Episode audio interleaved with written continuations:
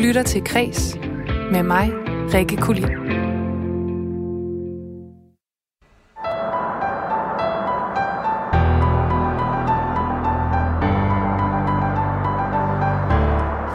eller andet sted i sin forpinte rejselslagende hjerne vidste han det, mens han løb og hulkede og løb videre, og til sidst nåede inden for synsvidde af sine forældre og de gamle skibere på bænken.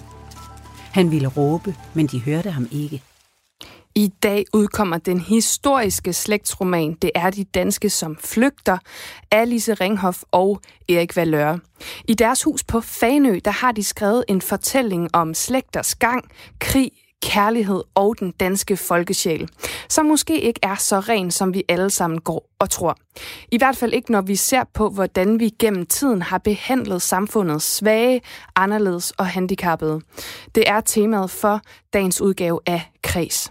Og så skal det også handle om mode og mundbind. Senere der får jeg besøg af As Øland, der er kreativ chef for Dansk Mode og Tekstil. Og så slutter jeg programmet af med at få besøg af forfatter Nilgyn Erdem, som sætter ugen på vers. Og det handler altså om, hvordan vi behandler samfundets svageste i nutidens Danmark. Eller, hvad kan man sige, gennem, øh, gennem Danmarks øh, historien. Men øh, det, jeg vil spørge dig om, som lytter med på sms'en, øh, det er, hvordan du synes, vi behandler samfundets svageste i nutidens Danmark. For det er altså temaet i dag i Kreds. Du kan sende en sms til 1424. I din besked, der skriver du R4, laver et mellemrum, skriver, hvad du har på hjerte, og sender det afsted til mig. Rigtig hjertelig velkommen til Kreds. Og så synes jeg bare, at vi skal kaste os direkte ud i et nyhedsoverblik fra kulturens verden. Jamen, det er jo fantastisk. Det er jo både et, øh, et vindue øh, ud mod verden, hvor vi viser alt det, vi, vi kan. Øh, det er en kæmpe stor byfest, hvor oceanerne morer sig, hvor man går ned på Pustervi og får en musikoplevelse og en fadøl, eller hvor man går i teateret og, og får en, en stor øh, kunstnerisk oplevelse, eller hvad det nu er, man, man er optaget af. Ja, sådan lød det efter åbningen af Aarhus Festuge sidste år, hvor borgmester Jakob Bundsgaard han fortalte om dens mange kvaliteter.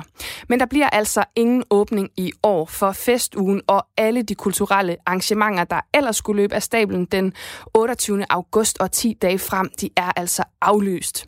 Og Jakob Bundsgaard han siger, at man har fået en meget klar anbefaling om aflysning, og den har man altså efterfulgt.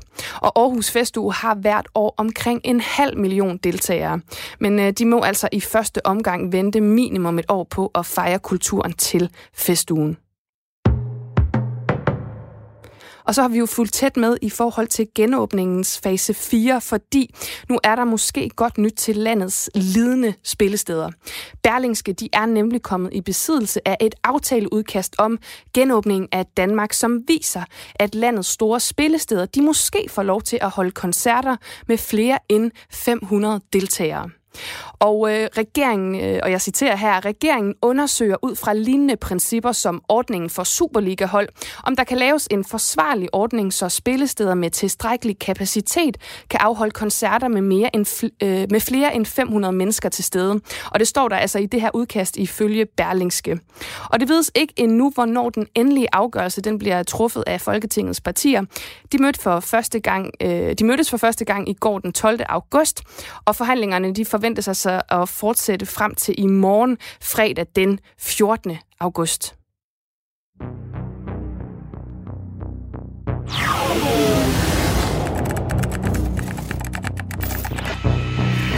Across the globe, there have been reports of small tremors and power outages, all centering from a single point of origin in London. We have received hundreds of reports of flashing neon lights in the sky across the city. Let's go. It is clear that it is centered here, where the military are now focusing their efforts to set up some kind of investigation. We will continue to report any updates. Rockbandet Muse de har annonceret en ny film med udgangspunkt i deres album fra 2018, Simulation Theory. Det skriver Gaffa, og det var traileren til den, som du lige hørte en øh, ret interessant lydbid fra her. Filmen den er til dels en koncertfilm, men så er den til dels også en fortælling om en fiktiv gruppe forskere, som vil redde menneskeheden ved at undersøge en verdensomspændende smitte. Og ja, det lyder jo øh, bekendt og ret aktuelt, men øh, frontfigur Matt Bellamy, han understreger altså, at den her film, den er lavet og udtænkt længe før coronaepidemien, den ramte verden. Og så øh, fortæller han i øvrigt også, at den har 80'er æstetik og fantasy-elementer. Og bandet, de skriver faktisk mere præcist filmen som deres udgave af The Wall, som er Pink Floyds film fra 1982, som tog udgangspunkt i The Wall-albummet. Og den her film, den bliver altså tilgængelig på en medieplatform på mandag den 17. august. Og på samme dato, der vises den også i udvalgte IMAX-biografer rundt om i verden. Danmark er øh, desværre ikke en af de udvalgte lande sat ud til, så vi må altså væbne os med tålmodighed. Men jeg kan i hvert fald anbefale at se traileren. Den vagt min interesse ekstremt meget.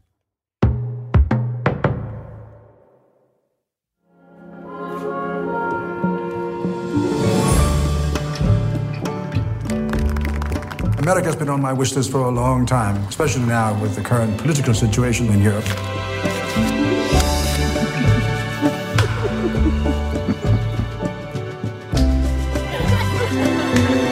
Vi kan også bare læne os tilbage og lade Hitler tage Europa. Skal vi gøre det? Det er den danske neutralitetspolitik. Det er en, en, en balancegang. Hvis alle tænker som de, så vinder Hitler krigen. Når krigen kommer, så har jeg brug for sådan en som dem. I dag der får vores mand i Amerika, instrueret af Christina Rosendal og med Ulrik Thomsen i hovedrollen, som den danske diplomat i USA, Henrik Kaufmann. Den får premiere i de danske biografer. Og øh, her på Kreds, der tager vi os faktisk mere af den film på onsdag i næste uge, så der skal du selvfølgelig også lytte med. Men du kunne jo tage øh, ind og se den allerede i dag, og det kan du gøre for at støtte biograferne. For mens flere af landets museer de oplevede rekordhøje besøgstal i juli, takket være den økonomiske hjælpepakke, som gav halv entré, så har Nordisk Films biografer altså ikke oplevet samme fremgang, og det skriver kultursejtet Kulturmonitor. Og en af årsagerne, det kunne jo være, at øh, hjælpepakken den ikke galt billetprisen til biograferne. Og Danmarks største biografkæde, øh, Nordisk Films biografer, de oplevede et øh, omsætningsindeks på kun 40 i juli måned, sammenlignet med den samme periode sidste år. Det skriver Finans. Men øh, Nordisk Films biografers øh, administrerende direktør Kasper Bonavent, han vil dog alligevel betegne juli måned som øh, faktisk godkendt, fordi der var nemlig estimeret endnu lavere besøgstal end dem, man har nu. Men min opfordring, den er klar til dig. Støt din lokale biograf, så vi kan sikre os, at der også bliver vist masser af film fremover. Fortællingen er blandt andet blevet til her på Faneø, hvor vi bor i et 300 år gammelt fiskerhus. Det er utroligt spændende at tænke på, hvordan mænd og kvinder som Erlings familie har boet her. Det har været et barsk liv. Mænd døde til havs, kvinder fik sorte sørgedragter i bryllupsgave. De var forberedt på livet som enker. Du lytter til Kres, hvor jeg hver dag dykker ned i en ny kulturoplevelse eller et nyt værk. I dag der ser jeg nærmere på bogen Det er de danske som flygter, og den er skrevet af forfatterparet Erik Valør og Lise Ringhoff. Velkommen til jer. Hej, Tak skal du have. Og øh, Lise, det var jo dig, vi hørte et lille klip af her, skal det lige siges til lytteren. Bogen den er en slægtsroman og fortælling om Danmark i første halvdel af 1900-tallet. Og det er altså kun første bind i en serie på hele tre bøger om Danmarks historien. Og de næste to bøger, de udkommer i henholdsvis 2021 og 2022. Og jeg vil gerne starte med at spørge, altså hvordan fik ideen til det her kæmpe bogprojekt? Jamen, øh, jeg vil lige sige, det er jo ikke en, kan man sige, det er jo en fiktionsfortælling, hvor vi putter nogle ting fra Danmarks historie ned. Det er jo også en slægtsroman om en slægt. Så det er jo ikke kun en bog om Danmarks historie på den måde, fordi man følger også en familie.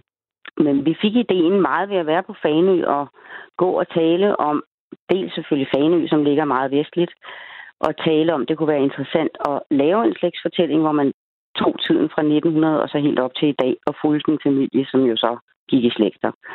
Og der fandt vi også på, at det kunne være interessant at tage nogle elementer fra Danmarks historien, som måske ikke har været beskrevet så godt før. Og... Som for eksempel det, den, øh, altså det med de anderledes og de lidt mere forfulgte folk. Ja, og det er jo en af de ting, vi sætter, øh, vi sætter fokus på i dag på Kreds, men i serien der følger vi jo slægten Brink og skibbersønnen Erling på netop Fanø. Måske kunne det være interessant lige at høre, hvilken type person er Erling egentlig? Jamen, Erling, han er jo født i en sømandslægt, og han er overhovedet ikke ligesom de andre drenge. Han er ranglet og tynd og har ingen rigtige muskler, og hans far kan ikke helt forstå, hvordan han har, kan være blevet far til ham. Så han ser sig selv faktisk fra barndommen af som en anderledes dreng, og han bliver også lidt mobbet, kan man sige, af de andre drenge. Og så følger man jo ham jo op igennem historien, men der sker så det heldige på Faneø, at han møder Hubert. Ja, og du nævner Hubert her. Det er jo den her særlige ven, som kommer til at være meget central i bogen. Hvem er han?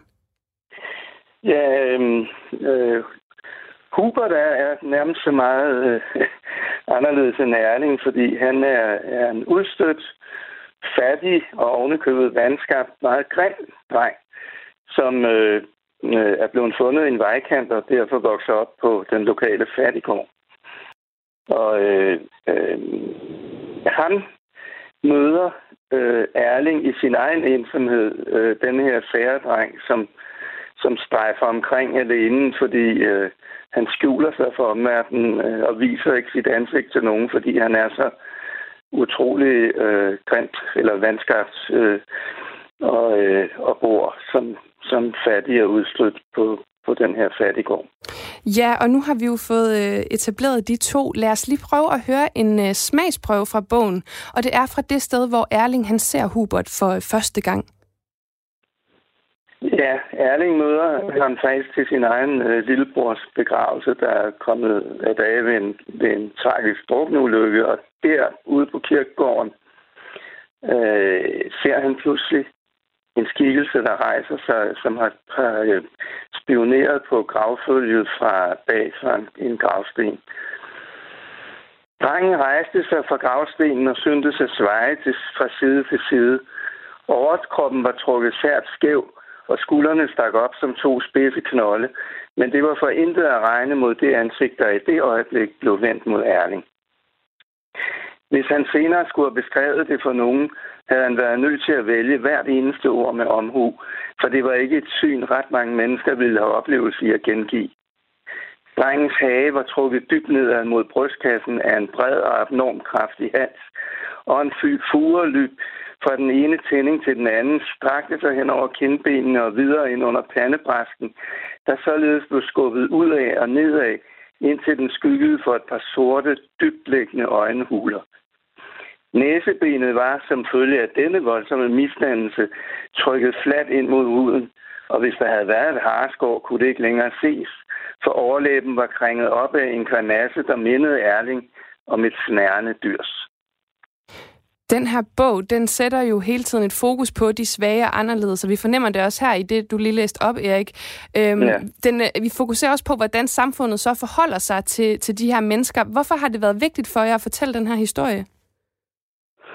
Det har været vigtigt, dels fordi vi jo i vores research er stødt på nogle historier, som jeg vil ikke, altså i Danmarks historie, som jeg ikke helt var klar over, blandt andet racehygiejne, som jo desværre eksisterede i Danmark lang tid før øh, 2. verdenskrig, og for øvrigt også lang tid før Hitler.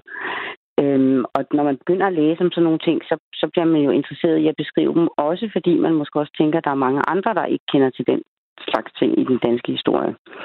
Og Hubert har vi jo haft med, dels for at Erling skulle få en ven, men også for at fortælle, at ude i det lokale samfund, der ender det jo med, at Hubert, selvom han er frygtelig grim og, og venskabt, at han bliver jo accepteret i det lille samfund i Sønderho.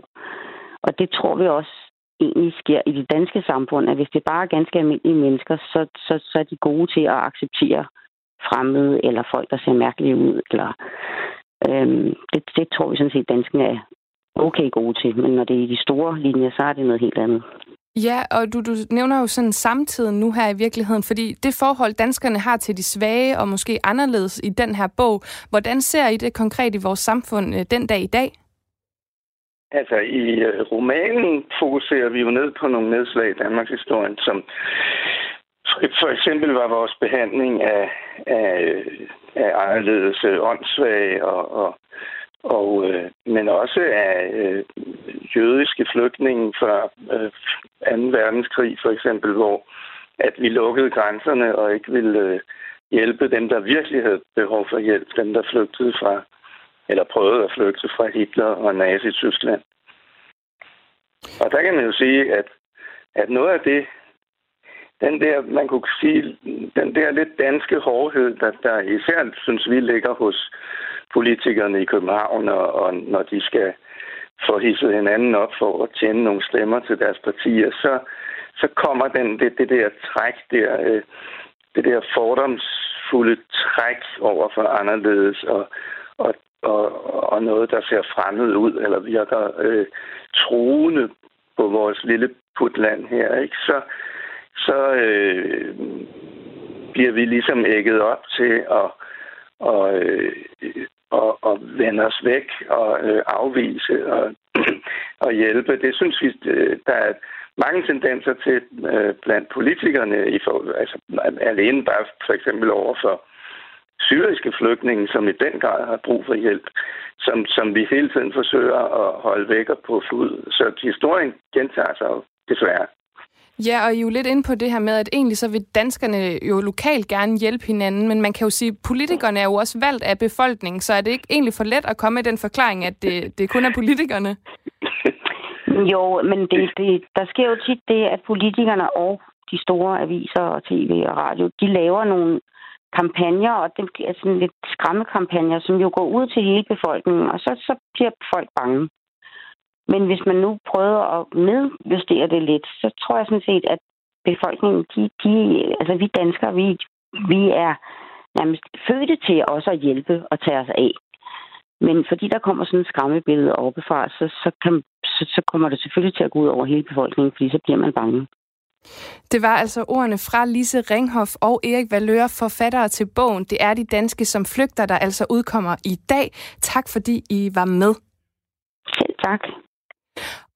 Senere, jeg skulle lige skrue op på mig selv. Senere i udsendelsen, der taler jeg med en forsker, som giver os det historiske blik på, hvordan vi i Danmark har behandlet dem, som ser anderledes ud, dem, som er svage. Og så kigger vi også på, hvordan vi ser på området i dag. Og øh, jeg spørger altså stadig, eller vil gerne høre fra dig stadigvæk, som lytter med derude. Hvordan synes du egentlig, vi behandler samfundets svageste i nutidens Danmark? Du kan sende en sms til 1424. I din besked, der skriver du øh, R4, laver et mellemrum, skriver, hvad der falder dig ind, hvad du har på hjerte, og så sender du den altså afsted til mig. Og jeg har fået en, øh, en sms, en øh, lidt hård sms, men øh, jeg læser den op. Som voldsramt datter og voldsramt mor med voldsramte børn, har jeg en del erfaring i, hvordan der næsten ingen reel hjælp findes. For eksempel eksisterende psykisk vold ikke i kommuner, eksisterer psykisk vold ikke i kommuner og retssale, før en justitsminister gjorde det strafbart. Så der er altså en, der mener, at det går rigtig langsomt på det område. Og tak for at dele øh, øh, noget så privat øh, i øvrigt. Tak for det. Og øh, du kan altså også sende en øh, besked, og det gør du altså til 1424. I beskeden skriver du R4, laver et mellemrum, skriver, hvad du har på hjerte, og sender den af sted.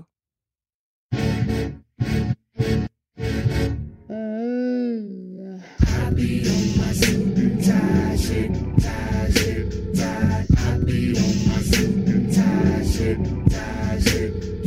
show you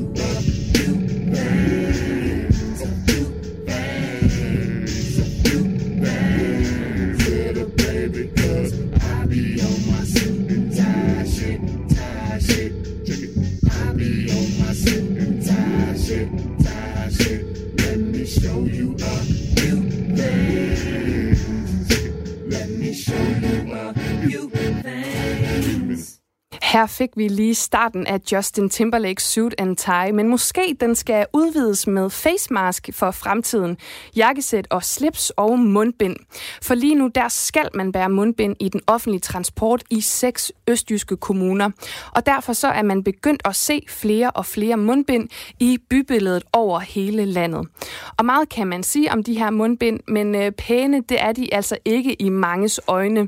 Men det problem det er der selvfølgelig en modebranche, som har valgt at løse for dem, der går op i den slags.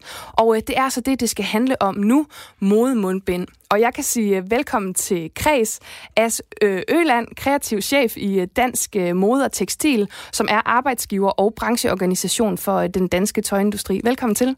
Tak skal du have. Og øhm, mundbind, det er jo egentlig et medicinsk værnemiddel, der skal undgå smittespredning. Hvordan kan det være, at modbranchen skal, skal dulle det op, hvis jeg må bruge det udtryk? Jamen, man kan sige, at der er jo to ting i det.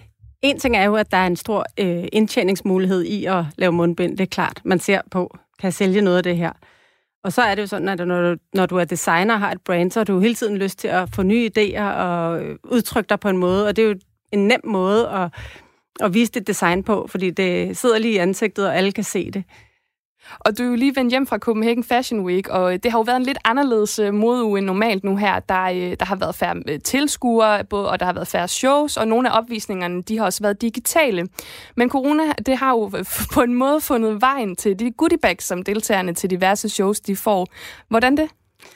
Ja, man kan sige, faktisk har der ikke været så mange goodiebags her de sidste par år, for øh, hvad hedder det, det, går, det er også en bæredygtighedsting, at der skal ikke være så meget overflod. Så, men den her gang har det faktisk været sådan, at man har fået, øh, flere steder har man fået uddelt et mundbind, som var designet af brandet. Øh, og der har været mange forskellige variationer på det. Nogle har været meget farverige, og nogle har været helt enkle. Øh, så det har været rigtig spændende at se. Og så har man så skulle bære det selvfølgelig, når man så var inde og se kollektionen. Jamen, havde mundbindet så egentlig fundet vej til catwalken? Jeg har ikke set nogen, jeg har ikke bemærket, at der har været nogen øh, af modellerne, der har haft det på. Det kan også være, at det har været lidt for oplagt måske at gøre det selvom det egentlig er en sjov idé. Jeg tror, der var faktisk på sidste modeuge, men ikke den her gang. Øh, der har jeg ikke set det på selve catwalken, men, men mange steder har folk båret mundbind, når de har været inde og se kollektionerne. Og lige om lidt, der skal vi altså anmelde nogle mundbind, og det er udelukkende, udelukkende på udseendet, kan man sige. Men først så skal vi faktisk høre fra en, som forstår sig på det sundhedsmæssige. Fordi jeg må indrømme, at jeg helt klart godt kan tænke, er det ikke lidt fjollet, at man ser godt ud, hvis ikke det hjælper, når jeg ser det? Altså for mig, der er det meget sådan en, jamen det skal være praktisk. Men øh, min kollega Magnus Bang, han ringede til Nils Højby, som er professor i klinisk mikrobiologi ved Københavns øh, Universitet og overlæge på Rigshospitalet. Og han forsøgte altså at finde ud af, om de her, øh, hvad de her stofmundbind, de egentlig kan bruges til, når nu vi taler beskyttelse mod virus. Hvis man ja. bruger et stofmundbind alene, hvor godt beskyttet er man så? Altså, det skal være flere lag, før det skal virke ordentligt. Ikke? Og øh, man kan nok regne med, at hvis det er tre lag, så kan man nok regne med en beskyttelse på i hvert fald 80 procent. Øh, hvis det laver de rigtige øh, materialer, som man bruger til for eksempel kirurgiske masker, så er beskyttelsen op på måske 95 procent. Ja, han siger altså flere lag. Hvor mange lag er der i dem, som du har med, As? Altså nu er jeg fire forskellige med i dag, og jeg har siddet, jeg, har, jeg er jo selv forbruger, så jeg har også tænkt, at jeg vil egentlig helst have noget, jeg har købt på apoteket. Og jeg er så også gået lidt ind i det og kigget på Sundhedsstyrelsens øh, hjemmeside. Det er jo svært at rode rundt i det her, fordi de også selv har været ude med nogle forskellige udmeldinger omkring det, så der er, og det er nyt. Øh, men jeg synes, der er stor forskel på dem, jeg har med i dag. Altså noget er bare det enkelt stykke stof, så er der noget, der er sådan lidt mere skumkvalitet, og noget af flere lag. Øh, så det er meget, meget stor, der er stor forskel på det. Og øh, nogle af de her brands, de skriver, at deres mundbind så øh, måske kan bruges som overtræk til de mundbind, som er CE-certificeret. Og det spurgte vores øh, reporter Magnus Bang øh, også Niels Højby om. Og øh, nogle steder på de her mode mundbind, der står der, at det er beregnet som sådan en overtræksmundbind, som man bruger ud over et indgangsmundbind. Er det en, er det en god idé at gøre det på den måde? Ja, det er jo ikke skadeligt. Altså, mundbindet ligger derinde, og det virker ikke. Og hvis man synes, det ser grimt ud og har det andet udenpå, så er det helt i orden. Altså, det kan ikke, det kan jeg ikke se kan være skadeligt overhovedet. Altså, det eneste problem omkring det her, det er, hvis det bliver for, hvis trykfaldet over øh, masken der, øh, hvis det er sådan en kombination af to masker, ikke? hvis det bliver for stort, så er det altså meget besværligt at trække vejret. Og så kan man ikke holde ud at have det på ret lang tid ad gangen. Og så bare lige for at få det hele på det rene, så er det sidste spørgsmål jo egentlig så bare, hvordan man så bruger de her stofmundbind korrekt.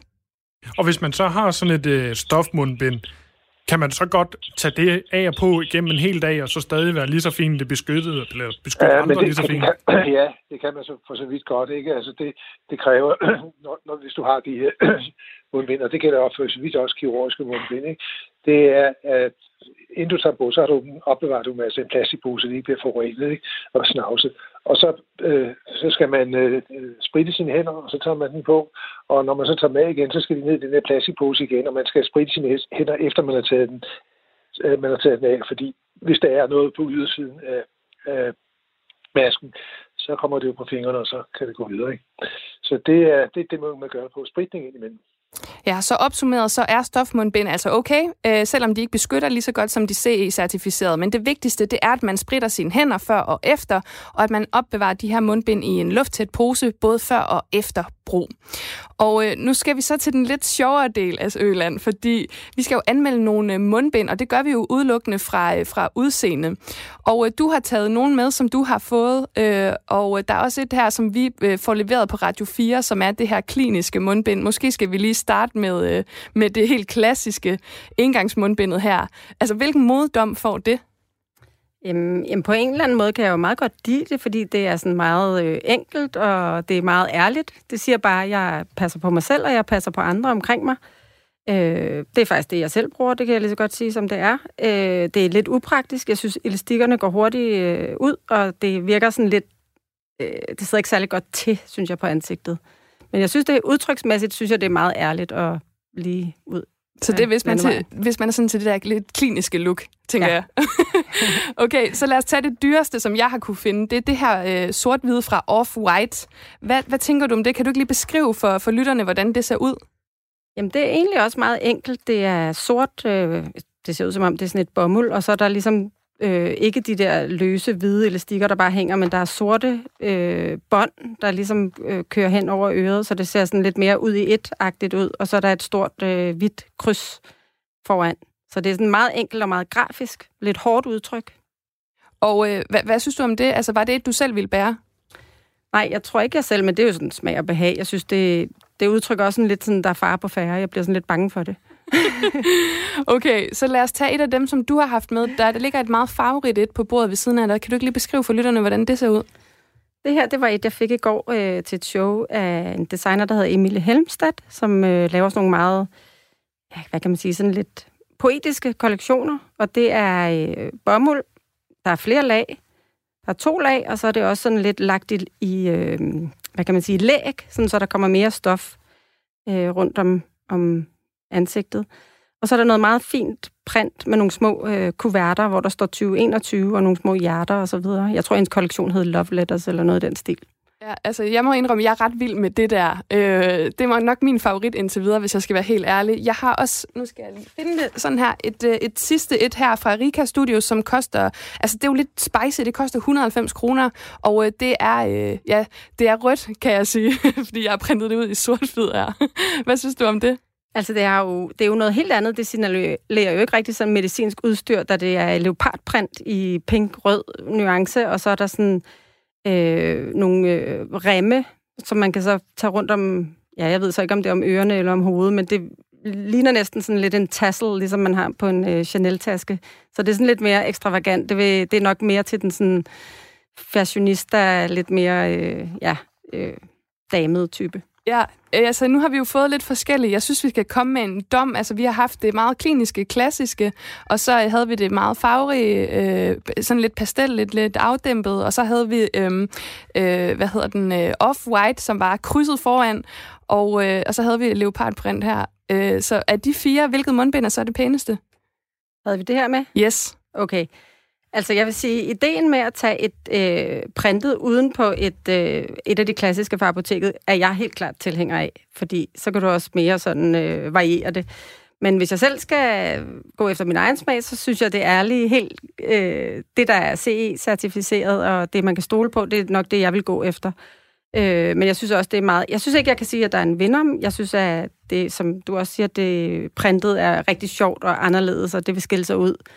Øh, men jeg synes ikke på nuværende tidspunkt, at man kan undgå det, det kedelige, klassiske tandlæge-mundbind. Nej, og det, det må også blive klart og tydeligt øh, meddelelsen herfra, det er, at man, øh, man tager altså et øh, CE-certificeret mundbind på, og hvis man så har lyst til at spejse det op, så er der altså masser af farverige og modrigtige muligheder derude. Det var dommen. Tusind tak, As Øland, kreativ chef i Dansk Mod og Tekstil. Selv tak. Og øh, så vil jeg egentlig øh, lige spille et stykke musik for at runde det her af, for det giver mig faktisk en vidunderlig anledning til at spille min yndlingskunstner nogensinde, nemlig David Bowie. Og det er selvfølgelig nummeret Fashion fra Scary Monsters and Super Creeps, som øh, du skal høre her. Her er det Fashion af David Bowie.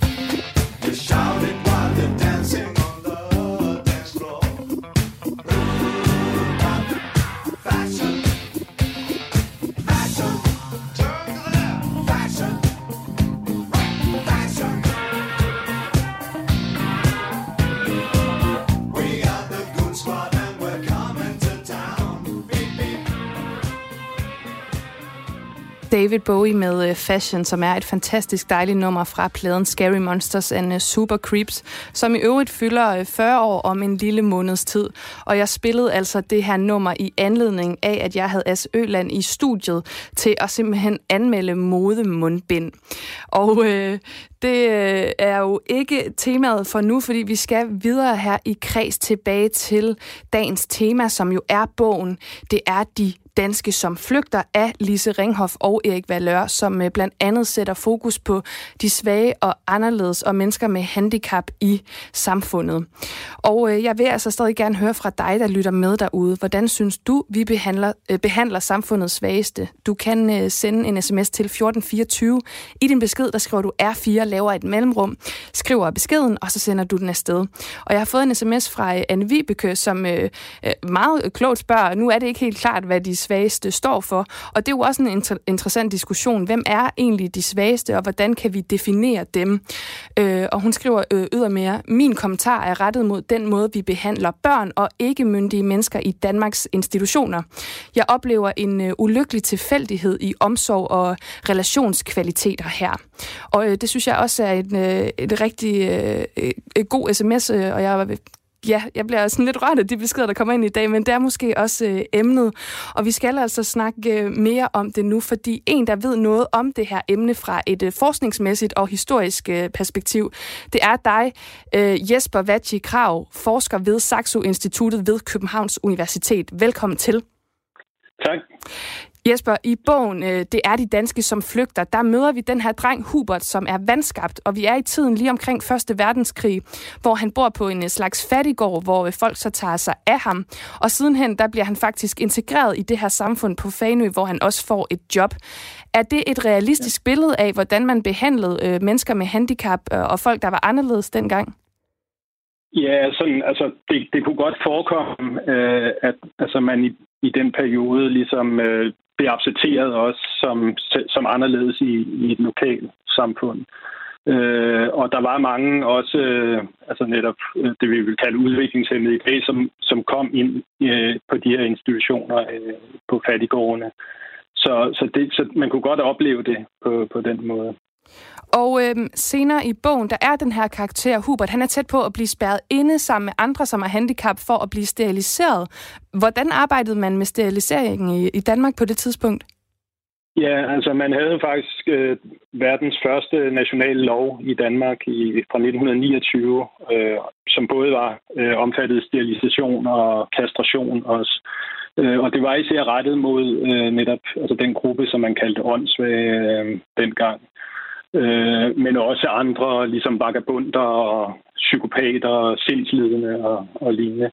Så, så vi, vi var sådan et forgangsland faktisk på det område, og havde de her meget, meget tidlige love, som så blev skærpet i, både i 34, hvor, hvor man har indført tvangssterilisation og tvangskastration. Øh, og det kunne også omfatte folk, som ikke var inden for for eksempel på en institution i åndssvageforsorgen. Det, altså sterilisation kunne også øh, Øh, været øh, personer, som, som levede, egentlig havde et, øh, var voksne, levede ude i, i samfundet, men blev betragtet som åndssvage, og man havde så nogle, nogle forskellige tests, nogle intelligenstest, og der skulle man helst ramme over sådan en IQ på, på 75, og hvis man så ikke gjorde det, så, så blev man egentlig i, i mange sammenhænge, kunne, kunne man blive betragtet som, som lettere åndssvag. Og, og så, så ønskede man øh, fra statens side øh, ligesom at begrænse deres antal af muligheder for at ligesom videreføre de, den her dårlige arv, som man mente, de var mere af. Ja, og i, så... bogen, i bogen får man faktisk en fornemmelse af, at der ikke skulle så meget til, før man blev sådan prikket ud på det her tidspunkt, at man på en eller anden måde faktisk nærmest gik rundt i, øh, i klasselokalerne i skolerne og let, let efter de her børn, som faldt uden for normalen. Har det hold i ja. historien? Ja, det kan man faktisk sige. Altså, fordi, altså, I forbindelse med nogle af de projekter, jeg har lavet, har vi også lavet interview faktisk med folk, som har været anbragt øh, i, i 1940'erne på, i åndssvageforsorgen, øh, som, som lever i dag, men er blevet, måske blevet steriliseret som 18-årige eller noget i den stil. Men efter man er, de er kommet ud, så har de sådan set levet et, et normalt liv. Så det, altså, det, det vil ikke være det, som vi ser som udviklingshemmet i dag, er ikke ensbetydende eller lige med det, man så som åndssvag dengang. Ja. Så det kunne godt være at folk, der, altså, som både kunne læse og skrive, og som egentlig også havde et arbejde faktisk. Men har vi så i dag, det står jeg tænker på, et forkert billede af den virkelighed, hvor vi ligesom troede, jamen i Nazi-Tyskland, der satte de gang i nogle, en masse strømninger, men i virkeligheden så de her tanker, de levede allerede i fuld flor i Danmark. Er det rigtigt? Ja, altså man, man kan sige, at mange af de samme idéer altså bliver også diskuteret. For eksempel øh, medlidenhedsstraf eller eutanasi er også noget, man diskuterer åbent øh, i, i danske aviser og, og sådan noget. Men man kan sige, at vi tog, vi tog ikke det skridt, som man gjorde i, i Nazi-Tyskland med at indføre de her meget øh, Øh, øh stramme love, og også havde et regulært eutanasiprogram, hvor man slog over 300.000 øh, åndssvage sindslidende ihjel. Så, så det, det kom vi jo ikke ud i øh, herhjemme, men selve, selve den her idé om, at man, at man, altså man skulle ligesom begrænse de her menneskers øh, antal, den kan man finde mange steder, også i andre steder i, i Europa. Øh, så, så Jamen har vi simpelthen et, øh, et for rosenrødt billede af vores egen fortid, og hvordan vi egentlig selv har behandlet øh, folk, der måske ikke øh, øh for, øh, i samfundet blev set som stærke mennesker? Ja, altså man kan sige, altså det som, som måske, altså der ligger sådan en dobbelthed i den måde, man har, man har egentlig har tilgået den her, øh, altså den her gruppe, hvad vi nok vil kalde udsatte grupper i dag øh, ved at man både, altså man, havde, man ville både hjælpe i og med, at man opbyggede det her store institutionssystem, for at de skulle have nogle bedre forhold faktisk, end dem, de havde ude i, i det normale liv. Ikke? Og der var mange, der levede under øh, virkelig dårlige forhold, øh, altså øh, folk, der var åndssvage. Øh, men på den anden side, så, så, frø, så havde man også en, øh, ligesom et, et beskyttelsesprojekt, som gik ud på, at man også skulle man, man så dem som en, en trussel også, i og med, at man, man mente, at de åndssvage var mere kriminelle og seksuelt øh, udskejende end, end normalbefolkningen. Så man, man ville også ligesom beskytte samfundet mod gruppen, samtidig med, at man, man også havde det her hjælpeprojekt. Så det er den dobbelthed, der ligger i, ligesom i, i det projekt, kan man sige. Ja, og der er jo altså en enorm stigmatisering i det her, men forfatterparet de mener, at man kan se sådan spor af den her fordømmende holdning til, til folk og, og også øh, stigmatisering i samfundet i dag, altså for eksempel i flygtningedebatten. Hvad tænker du, øh, hvor ligger de her diskussioner i dag i forhold til... Øh, ja, hvad kan man sige, det forhold, vi har til, til mennesker i dag, som for eksempel har handicap, eller dem, vi betragter som de svage? Ja, altså, man kan jo sige, der ligger jo nogle, altså, der, der er nogle, jeg tror ikke, at historien ligesom gentager sig på samme måde, sådan, så det, som øh, der skete i fortiden, gentager sig på samme måde i nutiden, men man, man kan godt se nogle af de der problematikker også, som øh, når man begynder at altså, netop tænke i det her med mennesker, man vil gerne hjælpe, men man ser dem også som, som en eller anden form for, for trussel, og det man måske også kan kigge efter, det er netop, mange af de her, øh, når man begynder at lave særlov i forhold til øh, bestemte samfundsgrupper, så er det alt, øh, ligesom et tegn på, at, at der ikke er, øh, at man ikke ser dem som, som ligesom øh, resten af befolkningen. Og det, det, det giver selvfølgelig nogle, øh, en risiko for, at, at der foregår øh, overgreb. Ja, at jeg, jeg vil gerne sådan lave et tilfølgende eller opfølgende spørgsmål. Er det ikke enormt skadende? Altså selvfølgelig er vi ikke det samme sted, som vi var dengang, og sender ikke altså, folk øh, på, øh, til sterilisering og så videre, men er det ikke stadig enormt skadende? Ja, øh, altså fordi jeg tror også, man, man skal selvfølgelig, altså de forhold, der var i, altså bare, at vi snakker om 60'erne, også 50'erne, 60'ernes Danmark inden for for eksempel åndssvagforsorgen. Altså det er, er noget, som ligger helt ud over det, som man ser på sådan nogle tilsvarende institutioner i dag. Så det var en helt anden øh, verden, hvor du, altså, hvor du også levede hele dit liv. Du kom ikke ud for de der, mange, mange tilfælde ud for de der institutioner. Øh, så, så der er en, en, en forskel der, men, men jeg synes, at man kan bruge historien til også at være opmærksom på netop de her problematikker, som kommer måske kommer igen i, i, en, i en lidt anden form. Øh, og de sådan faresignaler, der kan, der kan ligge der. Ja, fordi udover måske for eksempel, øh, nu nævnte du særlov, og jeg tænker også på flygtninge, men den her tankegang, gør den så ikke også gældende i forhold til, til andre grupper, som vi vil kalde på samfundets bund? Altså det kunne være i forhold til kontanthjælpsloftet, eller måske endda måden, vi omtaler øh, arbejdsløse på? Jo, øh, altså man kan jo man kan i hvert fald altså man kan jo se en bevægelse fra altså fra, fra 30'erne, hvor man hvor man havde netop en, en række af de her særlove. Det var ikke kun sterilisation, man havde også særlige ægteskabslove, hvor man forbød øh, sådan arbejdsløse, subsistentløse øh, alkoholikere og gifte sig og, og sådan noget, og, og lige sådan med åndssvage og sindslidende. Øh, så, og man havde heller ikke stemmeret, for eksempel, som, som åndssvag, helt, øh, ja, helt op i 1950'erne. Øh, så, så, man, så man kan sige, det, den del, den, øh, den, den, den, den er der, som, som ligesom noget, vi synes jeg, vi kan være opmærksomme på også i dag. Det sagde altså Jesper Vatji Krav, forsker ved Saxo Instituttet ved Københavns Universitet. Tak fordi du var med. Selv tak. Du lytter til Kres med mig, Rikke Kulin.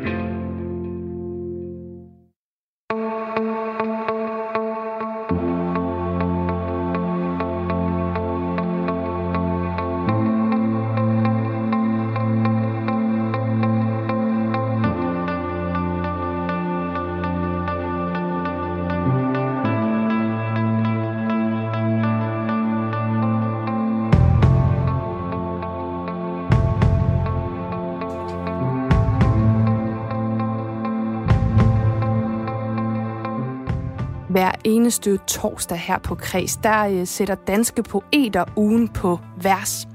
Det gør de ud fra en nyhed, der har fyldt i øh, medierne den seneste uge, som er inspirationskilde til et spritnyt, øh, spritnyt digt, som de har skrevet.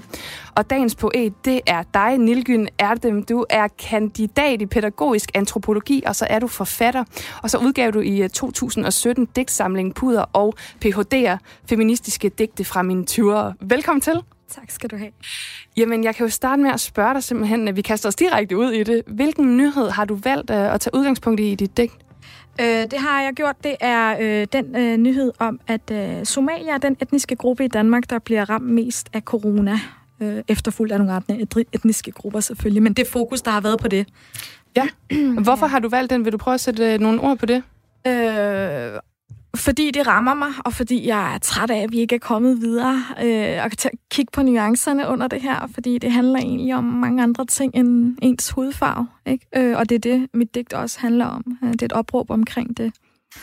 Øh, det er jo meget relevant, kan man sige, i forhold til det tema, vi har i dag, som jo handler om, hvordan øh, øh, behandler vi egentlig mennesker, der måske er sårbare eller udsatte, eller nogen, som samfundet betragter som anderledes, siger jeg i, i godsøjne. Så du rammer det jo meget godt i forhold til temaet. Mm.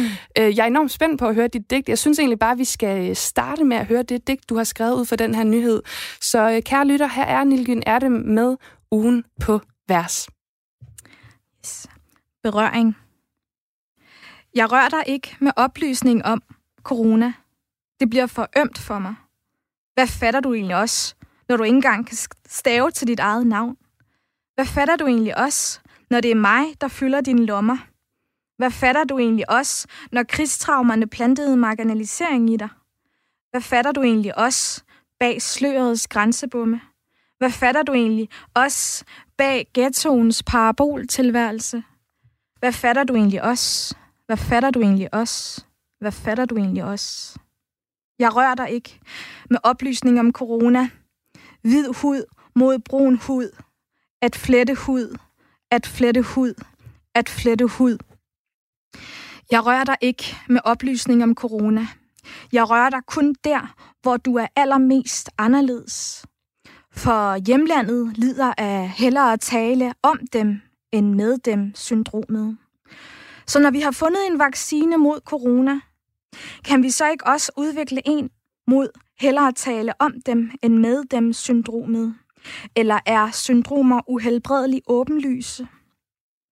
Måske vi en dag kan rykke tættere, give krammer igen og sukke lettet ud, imens vi tæller alle lighederne imellem hinanden og ikke forskellene. Jeg rører dig ikke med oplysningen om corona, jeg rører dig ikke med oplysning om corona. Jeg rører dig der, hvor det gør allermest ondt.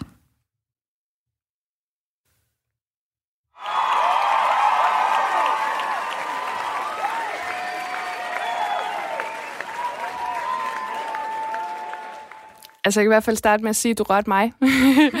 øhm, det var øh, enormt smukt. Tusind tak for det, Nilgyn. Adam, altså, jeg, jeg vil gerne starte med at spørge, hvordan har det været at skrive det her digt? Fordi det er jo, som du startede med at sige, det er jo noget, der går rigtig tæt på, noget, der også ja, rører dig, berører dig. Ja, i det daglige, så har jeg lige for tiden i hvert fald de sidste par måneder sat mig for at skrive det, jeg har på hjertet. Også på Instagram. Øh, små digte, øh, det der rammer. Øh, det er utrolig følsomt at skrive om, men det er også en forløsning for mig. For det poesi kan, det kan debatten ikke rigtigt, for der har man to holdninger over for hinanden, og der kan man måske aldrig blive enige, men poesi kan gå ind og ramme nogle følelser hos lytteren. Om man så er enig eller ej, så øh, har man det helle til at tale åbent ud. Øh, det er det, poesien kan, ikke? Så. Ja, og hvad, hvad vil du egentlig gerne sige med det her digt til dem, der lytter med? Jeg vil gerne sige, at der er jo en ulighed i sundhed i Danmark, og at, øh, at det er nemmere at... Øh, altså, man er, jo ikke, man, man er jo ikke berøringsangst, når det kommer til at, at være racistisk i, i, i retorikken øh, på den højre fløjen, men, men, men man er berøringsangst i forhold til at lave en kampagne, der oplyser øh, minoriteter, der er analfabeter, øh, der, under, altså, der er fattige, øh, og lever sådan lidt øh, parallelt med den eksistens, man ellers har, ikke? Altså, som ikke har ressourcerne øhm, til ligesom at være med, og det gælder jo også etnisk danskere, som, som, som lever på kontanthjælp, eller er rigtig fattige og skraber penge sammen til at ja, få deres børn afsted på lejetur, eller jeg ved ikke hvad, ikke? Altså, Ja, og du, øh, altså, du, du bruger jo meget sådan, det der berører dig, lyder det på en eller anden måde, når du skriver digte. Kan du ikke prøve at fortælle om, altså, når du skriver, mm. hvordan skriver du så normalt et digt? Øhm, jeg bliver fanget i en eller anden følelse af uretfærdighed. Øh, øh, hyggeleriet. Øh, Øh, det er det, jeg skriver ud fra. Øh, og berøring. Jeg, mit digt hedder berøring. Øh, det er jo så intimt at røre hinanden. Øh, og vi er jo så berøringsangste på en eller anden måde. Øh, men vi er jo alle sammen mennesker, og øh, vi har alle sammen krav på at, at blive oplyst, så vi kan være på bølgelængde med hinanden, ikke? Øh, og have en færre chance i livet. Øh. Har du lyst til at uddybe det her med, at du siger, at vi er berøringsangste? Altså, hvordan er vi konkret berøringsangste, eller er det også, øh, kan det forstås på, på flere ja. måder? Øh, vi er berøringsangste i forhold til, at vi sætter hinanden i kategorier i samfundet, og, øh, og, og vi ser ikke mennesket bag øh, overfladen, og, og altså Øhm, og det er jo en måde, man kategoriserer hinanden på rent menneskeligt, altså kognitivt, er det nemmere for os at separere hinanden i, i kategorier, end at sige, at vi er alle mennesker. Og Fatima kan være fattig, det kan Ole også. Og så har de brug for ekstra ressourcer til at forstå systemet, øh, og, og forstå det, der kræves af dem, så, så man kan være solidarisk som samfundsborger, ikke? Og øh, altså nu handler dagens tema jo her på Kreds, det handler jo om, øh, hvordan vi egentlig behandler samfundets, det vi kalder samfundets svageste. Øh, hvis jeg nu stiller dig det spørgsmål, hvad vil dit svar til det så være? Øhm, man kræver, at, øh, at der skal sættes en oplysningskampagne i gang, hvor at, altså, jeg har også set enkelte steder, hvor at coronaoplysninger bliver oversat til tyrkisk og arabisk, men det skal bredere ud, og sværere er det ikke at finde tolke øh, og starte sin en kampagne, i stedet for at gå efter øh, øh, altså personer ikke øh, med en vis hudfarve, øh, fordi alle fortjener øh, en færre chance for at blive oplyst. Ikke? Øh, og det er jo ikke fordi, at man nødvendigvis er doven. det er måske, fordi man ikke lige ved det, øh, eller ikke har ressourcerne til at forstå det, og har brug for nogen til at hjælpe en. Så du, du oplever en, hvad kan man sige, en uvillighed i forhold til egentlig at forstå hinanden? Er det der, den filmen knækker, at vi faktisk ikke sætter os ind i andre folks situationer, men vi, vi får en overskrift, og så er det det, vi, vi tror på? Eller hvad tænker du om det? Ja, øh, man kan jo godt, altså, øh, have en tendens til at skubbe presset ned af. Hvis det ikke er øh, middelklassen, der er problemet, jamen så er der nogle andre, der gør det forkert, og der sætter også i risiko øh, for noget. Ikke? Øh, så Øhm, altså dem, der tog til, øh, hvad hedder det, skitur og, og bragte corona med hjem, jeg ved ikke, hvor det var, var det Østrig eller sådan noget, ja, øh, altså, de kunne også blive hetset for at være meget lyse i huden, eller ikke ligesom være for dogne, altså øh, uoplyst, og jeg ved ikke hvad, men, men, men det er som om, at når det er en social klasse under, så, øh, så er det mere ekstremt, den kritik, de får. Ja, så det handler også, øh, lyder det som om, øh, på, i mine i hvert fald, rigtig meget om klasse for dig. Er det også noget, du skriver i, om i din digte? Altså, nu nævnte du ulighed tidligere. Hvad er det, der optager dig, når du skal sætte dig ned og, øh, og forfatte? Ja, altså, jeg har skrevet et digt, der hedder Camouflage, der handler om en kvinde, der bor i sin anbringelseslejlighed og ryger sin Cecil og forsvinder lidt i røgen af den her smøg og går ned og sætter sit kryds og er ikke rigtig en del af samfundet, en del af det. Så det er noget, jeg berører rigtig meget, at, at, at det er jo nogle sociale problematikker og ikke kulturelle problematikker. Øh, det er nogle sociale problematikker, som vi alle sammen kan have til fælles, altså uanset hudfarve, ikke? Øhm, og der tror jeg, at vi har så meget til fælles, som vi ikke aner. Altså, Øh, og vi er bare for gode til at kigge på forskellene. Er det din mission som forfatter, det er egentlig at få os til at øh, måske indse, at der er, der er mere, vi har til fælles, end vi sådan er øh, forskellige fra hinanden? Åh, det kan jeg godt lide, du siger. Ja. det, er, altså, det er nok en del af det, vil jeg sige, øh, at vågne op til det. Øh, for sådan har det altid været. Og så udgav du jo i 2017 den her digtsamling, øh, øh, Puder og PHD'er, feministiske digte fra mine 20'ere. Hvad var det for en størrelse? Jamen, øh, det var jo det der med at finde sit øh, etiske kompas i tilværelsen mellem to kulturer og, og forskellige subkulturer for den sags skyld, fordi at øh, det, jeg mener udfordring i min generation, minoritetsgeneration, det er at skulle stå på sin egen ben, have sin egen integritet intakt og sine værdier, fordi man bliver hele tiden hyldet ud af den, enten til højrefløjen, venstrefløjen, op eller ned, du ved. Man bliver trukket i så mange retninger, men det med at stå med sig selv og lære at argumentere for sine værdier, øh, fordi modpolen til det er jo identitetskriser, ikke? Så, ja. Og det var altså i 2017. Jeg vil spørge her til sidst, er der mere på vej fra dig som øh, forfatter? Ja, det håber jeg. Eller der er noget på vej. Men mere kan du ikke sige. Nej. okay, fair nok. Tusind tak til dig, Nilgen Erdem, for at være med til at sætte ugen på vers med digtet Berøring. Selv tak, Rik. Tak, fordi du var med. Og øh, jeg er altså tilbage igen i morgen, og det er jeg altså med et fredagspanel, fordi Kreds er jo tilbage til normalen efter en øh, lang sommer. Om lidt her på øh, Radio 4, der er der Stream and Chill med William Eising og ikke mindst venner. Men øh, jeg vil slutte af med lidt musik, og det er altså et ultrakort nummer, du skal høre. Det her nummer, det er kun halvandet minut langt. Det er den fransk-koreanske indie-popkunstner Spell Tap, hun har kun udgivet tre singler, men den seneste single, Cotton Candy, den udkom i sidste uge, og den var kun halvandet minut lang, men den er så god. Jeg siger tak for nu, og jeg er tilbage igen i morgen. Did we kiss cause it was dark? Or did we mean it was my embarrassment enough mm, to make you see it? Your lips have made it tough. They keep believing you a temporary talk to last just for a season. Hanging up the lights with the intensity and strife of your avoidance like a knife in my cotton candy side. I'm hoping for a fight in this imaginary vibe that I have caught and totemized to replace you when you hide. So did we kiss cause it was Or did we meet? It was my embarrassment enough mm, to make you see it. Your hands are tough to keep believing you were temporary talk to last just for a season.